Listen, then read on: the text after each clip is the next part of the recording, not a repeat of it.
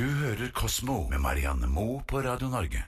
Fem om dagen er anbefalingen fra norske helsemyndigheter når det kommer til frukt og grønt, men det spørs om vi ikke bør knaske i oss enda mer for den mentale helsens skyld. Mat kan nemlig spille en viktig rolle, ikke bare for vårt fysiske, men også for vårt psykiske velvære, viser ny forskning. Bjørnar Kjensli fra forskning.no, hva er det egentlig disse forskerne har funnet ut? Nei, De har sjekka spisevannene til rundt 80 000 briter, og sett rett og slett på hvor mange porsjoner med frukt og grønt de spiser i løpet av en dag.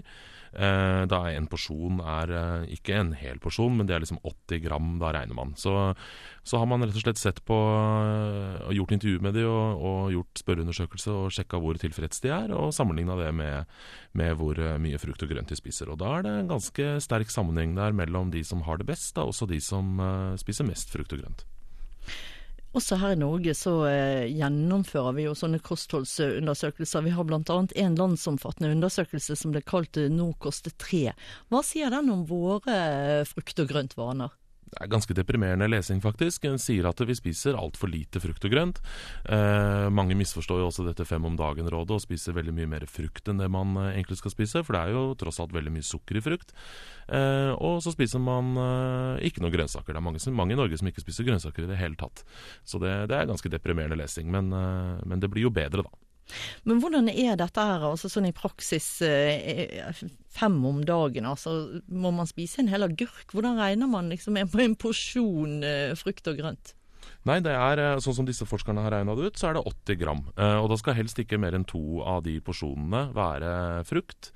Uh, og så Et glass appelsinjuice regnes f.eks. som en porsjon med frukt. Så det er ikke så vanskelig som det høres ut. Man trenger ikke å spise en hel gresskar eller en hel melon for å komme gjennom dette her.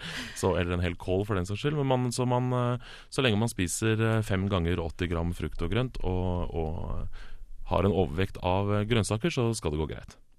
Og regnskapet går opp om man lager seg en herlig velsmakende smoothie? Ja, absolutt. Det, det, er en del av det. Det er jo nok å bli i godt humør av bare det, for å si det sånn. Men, men, er det andre ting som altså, Det er jo mye som spiller inn på humøret. Hvor sikre kan vi være på at det faktisk er en sammenheng i forhold til eh, ja, at man, man, får det bedre ved å spise mer frukt og grønt. Vi kan ikke være veldig sikre på det. Forskerne har jo prøvd å kontrollere for om det virkelig er sånn at man blir eh, lykkeligere eller får eh, høyere grad av velvære av å spise frukt og grønt, eller om det er sånn at folk som er lykkeligere og har en høy grad av velvære, er de som faktisk spiser mer eh, frukt og grønt. Men, men eh, de, mener, de, har prøvd å kontrollere for det, og de mener at de har funnet en, eh, en, noe som tyder på dette her. Men eh, de foreslår jo da en sånn randomisert, kontrollert studie. det er også litt skummelt, for da må det jo være en del deltakergruppe som ikke får noe frukt og grønt, eh, og også en gruppe som tror de spiser frukt og grønt. Så det er litt mm. vanskelig å, å, gjennomføre sånne studier. Men eh, det er mye som tyder på at det også øker eh, psykisk velvære, ikke bare fysisk. Men bare med sånn eh, litt vanlig sunt bondevett. Eh, det smaker jo godt, og blir man i bedre humør, så får vi vel bare ta det som en bonus. For skadelig, det er det i hvert fall ikke. Nei, absolutt ikke. Det smaker godt, og så vet man jo selv at det er sunt, så det har kanskje noe med det å gjøre også. Du hører Kosmo med Marianne Moe på Radio Norge. De fleste ønsker å holde magen flat etter en slankekur, og da kan en diett med lite karbohydrater være den aller beste løsningen, hvis vi skal tro en ny studie fra USA. En kalori er nemlig ikke alltid en kalori dersom man prøver å holde vekten. Bjørnar Kjensli fra forskningen og denne amerikanske studien, hvordan har den foregått? Nei, Den startet med at eh, 21 overvektige menn og kvinner mellom 18 og 40 eh, gikk gjennom en 12 ukers slankekur, eh, hvor de mistet da rundt 10% av kroppsvekten, og det er ganske mye. Eh, og ved en sånn slankekur så er det ganske vanlig da å gå opp igjen eh, innen ganske kort tid etter slankekuren er over. Eh, så det denne denne studien så på, var egentlig eh, perioden etter denne slankekuren. Så da, eh, i, i, denne perioden så begynte da det, det nye forsøket, hvor forsøkspersonene da fulgte tre ulike dietter. Så var en diett som var tradisjonelle kostholdsråd, med ganske lavt innhold av fett og, og, relativt høy andel av karbohydrater, i, altså grove kornprodukter og, og, sånne ting som vi blir råda til å spise. Eh, en annen var basert på, på lav glykemisk eh, indeks, som da er matvarer som eh, skal gi mindre økning i nivået av blodsukker. Eh, da var det da 40 eh, karbohydrater omtrent.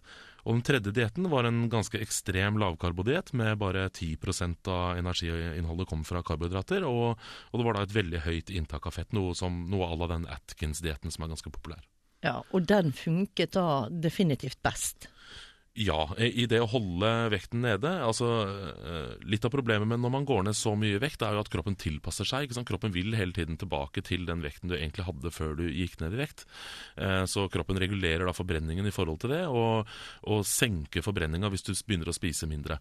Eh, det disse diettene var et forsøk på, var, var, på en måte å prøve å øke forbrenninga etter, etter dietten, sånn at man da skulle holde den, den vekten selv om man da spiser et nytt kosthold og mye mindre. Så det den ekstreme lavkarbodietten gjorde, var å øke forbrenninga, rett og slett. Vet vi noe om hvorfor det skjer?